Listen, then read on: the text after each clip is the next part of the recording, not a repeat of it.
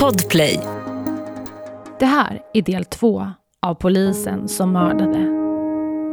Redan nu kan du lyssna på samtliga avsnitt av den här säsongen på plattformen Podplay. En gärningsman har suttit skräck i Sacramento, Kalifornien. Han våldtar kvinnor, bryter sig in i deras hem och bevakar deras steg. Och snart ska hans våldsamma handlingar eskalera. Du lyssnar på Värsta morden. Det här är del två av polisen som mördade. Jag vill varna för ingående sexuella våldsskildringar i dagens podcastavsnitt. Gärningsmannen har bevakat media och ska nu visa det lilla området i Sacramento att han kan ge sig på vem som helst. Och det är först nu som han inte bara ger sig på ensamma kvinnor i hemmet. Nu är det också par och hela familjer som drabbas. Du ska nu få ta del av några vittnesmål från när gärningsmannens mönster förändras. Vi kan kalla dem paret Larsson. Några barn hade lekt utanför deras trädgård och då sett en okänd man som gått runt vid parets hus, tittat in. Paret Larsson hade blivit rädda. De kände ju till att det fanns en serievåldtäktsman i området. Paret bestämmer sig för att skaffa nya lås och ett nytt säkerhetssystem till huset. Nu var det nya lås på alla dörrar i huset och ingen skulle väl kunna ta sig in. Men jo, den där mannen visste vad han höll på med. En natt runt klockan två öppnas en dörr in till sovrummet där paret sover. Skenet från ficklampan bländar paret. Mannen, iklädd en skidmask, viskar och säger Jag har en pistol. Gärningsmannen kastar ett par skosnören på sängen och ber kvinnan att knyta sin man. Han blir i sin tur tillsagd att lägga sig på mage. Därefter binder gärningsmannen kvinnan. Även hon blir tillsagd att lägga sig på mage. Den okända mannen tittar igenom familjens smycken. Han försvinner från sovrummet och paret hör hur han går runt i huset. Han öppnar kylen och tar en öl. De hör också hur han öppnar köksskåp och hur det skramlar. Han är på väg mot dem igen han kliver in i rummet och ställer några porslinstallrikar på mannens kropp. Han säger “Om jag hör att det låter så skär jag av dig örat”. Han sätter sedan en ögonbindel på kvinnan och leder in henne till vardagsrummet. Gärningsmannen försvinner igen. Han letar upp en handduk som han river isär, lägger sedan en bit av handduken på tvn i vardagsrummet. Därefter våldtar han kvinnan. Under tiden håller han en kniv mot hennes hals Sen går han återigen till köket, dricker en öl på nytt. Sen våldtar han henne återigen innan han lämnar huset. Ja, nu är det ju tydligt att ingen går säkert. Den här gärningsmannen har tidigare gett sig på ensamma kvinnor, men numera också kvinnor som är omgivna av sina män, sina familjer. I området Sacramento eskalerar nu osäkerheten. Folk köper larm, nya låsanordningar, säkerhetsdörrar. Polisen patrullerar i området. Folk, framförallt kvinnor, går på kurser för att lära sig att skjuta. Och det är också många i området som berättar att de sover mycket sämre. Det är en stämning av oro på gatorna. Det som är problematiskt under den här tiden i Kaliforniens 70-tal är synen på våldtäkter. En våldtäkt betraktades som ett enkelt överfall och vid den här tidpunkten så fanns det inga våldtäktslagar. Det kunde vara ett straff på några dagars fängelse. Det ansågs inte vara så allvarligt. Och vidare var tabun enorm. Många som föll offer under den aktuella gärningsmannen kunde ifrågasätta sitt eget agerande.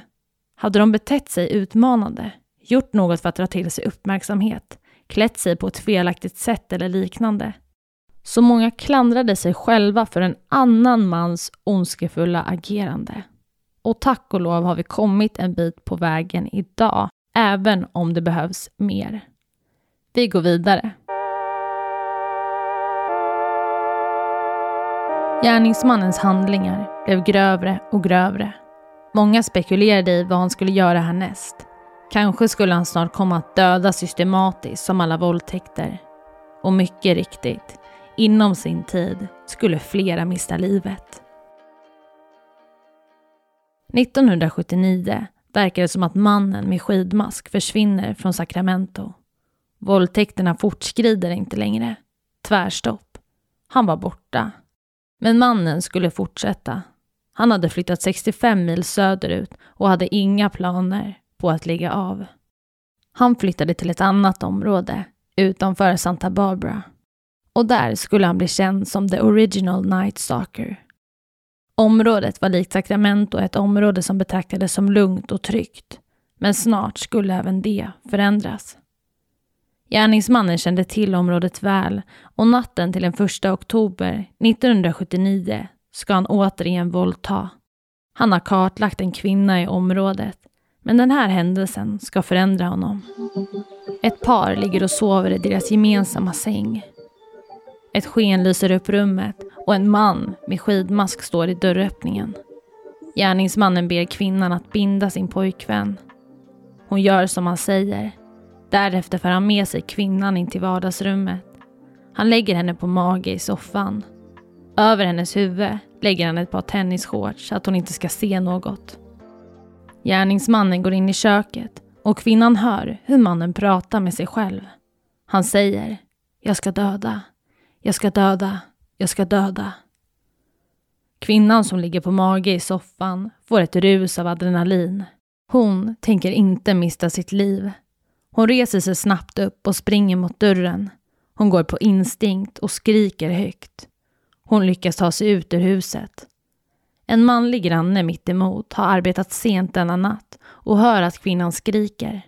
Han öppnar dörren och tittar ut.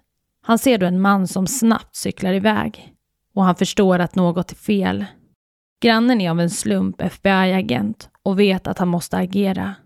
Han sätter sig i bilen och kör efter mannen som cyklar. Men gärningsmannen kastar snart sin cykel åt sidan och hoppar över ett staket. Han flyr och mannen hinner inte efter.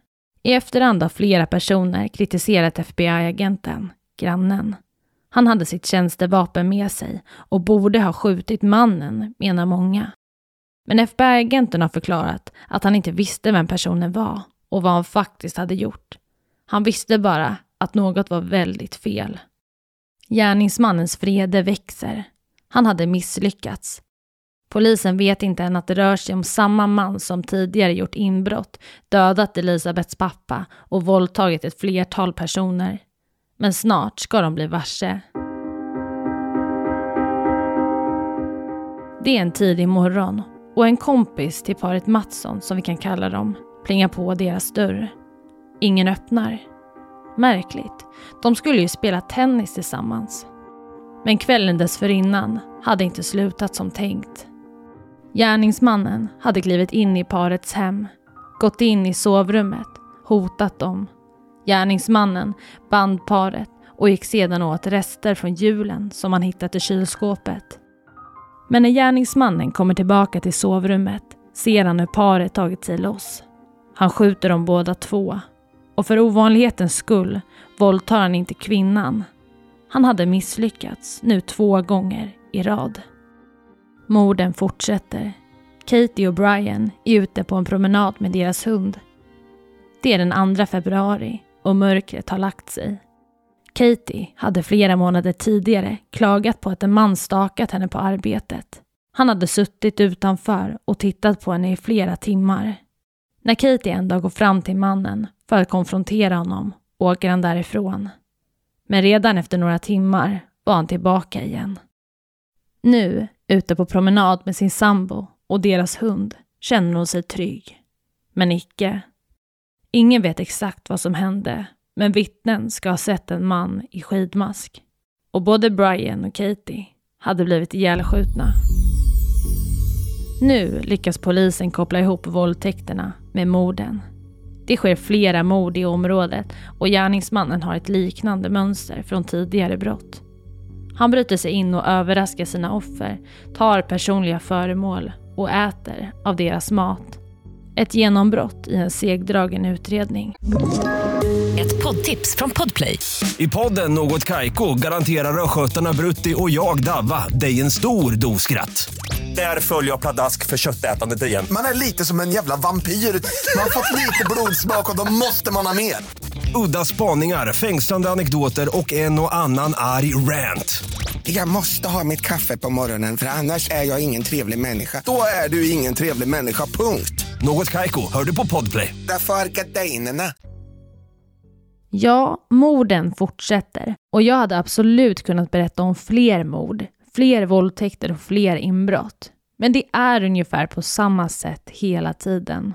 Och jag tänker att ni nu ska få möta denna gärningsman. Hans namn är Joseph James DeAngelo. Och märkligt nog var James polis under 1973 och 1979 i just Kalifornien, där han också själv var brottsling. Så under tiden som han var polis våldtog han, mördade och gjorde inbrott. Han gifte sig med en kvinna vid namn Sharon 1973 och tillsammans fick de tre döttrar. Men relationen har beskrivits som dysfunktionell. Släktingar och närstående har i efterhand berättat för media att man hela tiden funderade på om det verkligen skulle hålla mellan dem. Och 1991 så skiljer de sig. Och varken Sharon eller deras döttrar har ställt upp på intervjuer och berättat om deras upplevelser eller syn på Josephs agerande. Men många närstående till Josephs har svårt att förstå att det var just han som låg bakom morden och våldtäkterna. En närstående säger så här.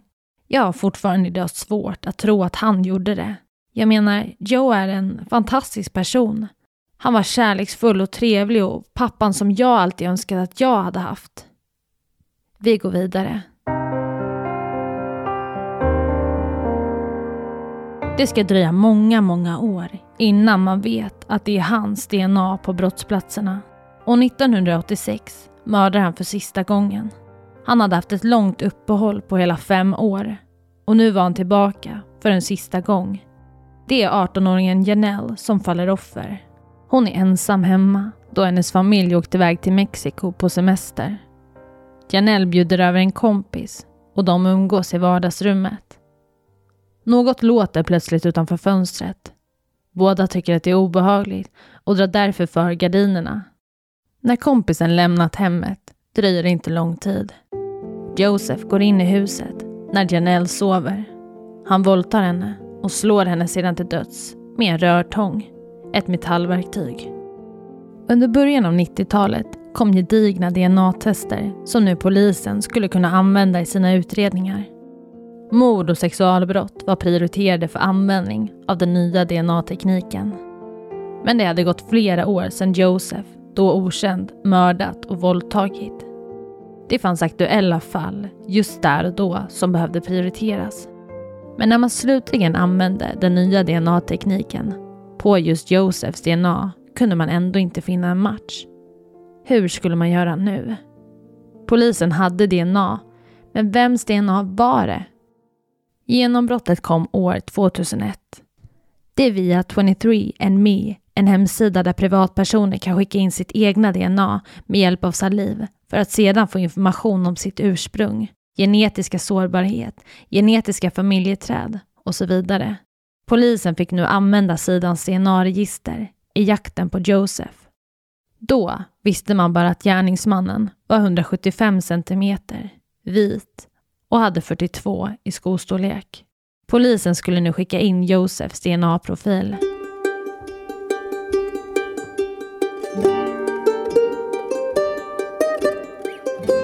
Okej, så nu skickar man in DNA-profilen och det man i sin tur gör är att jämföra den här profilen med andra personer som skickat in sitt DNA via hemsidan. Dessvärre får man nu flera hundra matchningar med koppling till Josephs DNA. Det är DNA-kopplingar som inte ligger så nära. Det närmsta DNA som de tror sig hittat är en syssling till gärningsmannen. Det tar flera månader för polisen att komma honom närmre. Man följer släktträdet och tittar på geografiska kopplingar länkat till DNA och brotten. Vilka kan ha bott i närheten av området för brotten och så vidare. Man checkar av en lista och slutligen finns det bara sex personer kvar på listan. Dessa personer vill man kolla upp ordentligt. Och vidare lyckas man nu. Enligt DNA-profilen ska Josef ha blå ögon. Och nu finns det bara en person på listan som har just blå ögon. Och allt stämmer. Han har bott i Kalifornien under tiden för brotten, i närheten av brottsplatserna. Man vill försäkra sig om att man hittar rätt och därför åker man till Josephs hem och tar upp en pappersbit från hans sopor. På pappersbiten finns DNA från Joseph och den matchar givetvis med DNA från brottsplatserna. Och den 24 april 2018 arresteras Josef, då 72 år gammal. Ett 40-årigt sökande efter gärningsmannen och nu skulle han snart ställas inför rätta. Joseph säger i de första förhören att han har en inre personlighet. Jerry, som han kallar honom. Jerry hade tvingat honom att utföra alla dåd. Och Joseph hade inte kunnat säga nej. Han säger jag hade inte styrkan att putta bort honom. Han tvingade mig. Han följde med mig. Han var i mitt huvud. Jag menar, han var en del av mig. Med tiden lyckades Joseph få bort Jerry ur sitt huvud.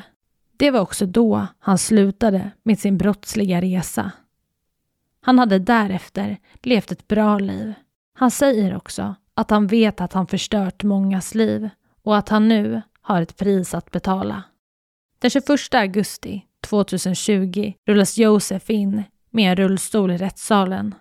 Han är 74 år gammal och har en mask på sig som en säkerhetsåtgärd mot corona. Men när det är hans tur att prata tar han av sig masken och säger Jag har lyssnat till alla vittnesmål, varenda ett, och jag är verkligen ledsen för alla som jag skadat. Joseph erkänner sig skyldig till 13 mord och 13 våldtäktsrelaterade brott. I och med att han erkänner brotten slipper han undan dödsstraff. Joseph kommer att få leva hela sitt resterande liv inlåst. Det var allt för dagens avsnitt. Det här var den sista delen av polisen som mördade. Och vill du komma i kontakt med mig, tipsa om mordfall, fråga något eller ge konstruktiv kritik så får du gärna göra det på Instagram där jag heter Saga Springkorn eller mejla till värstamorden springkorn.se.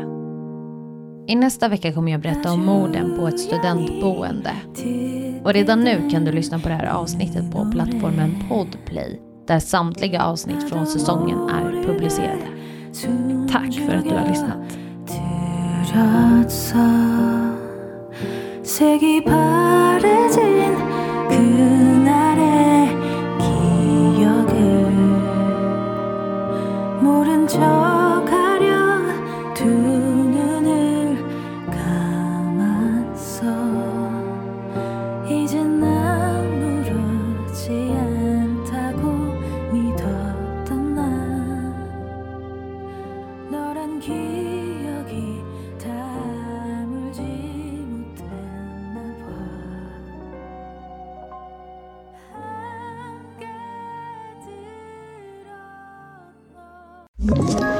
Ett poddtips från Podplay.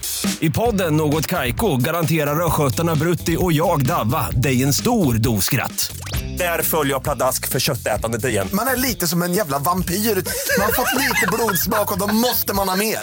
Udda spaningar, fängslande anekdoter och en och annan arg rant. Jag måste ha mitt kaffe på morgonen för annars är jag ingen trevlig människa. Då är du ingen trevlig människa, punkt. Något Kaiko, hör du på Podplay. Därför arkadeinerna.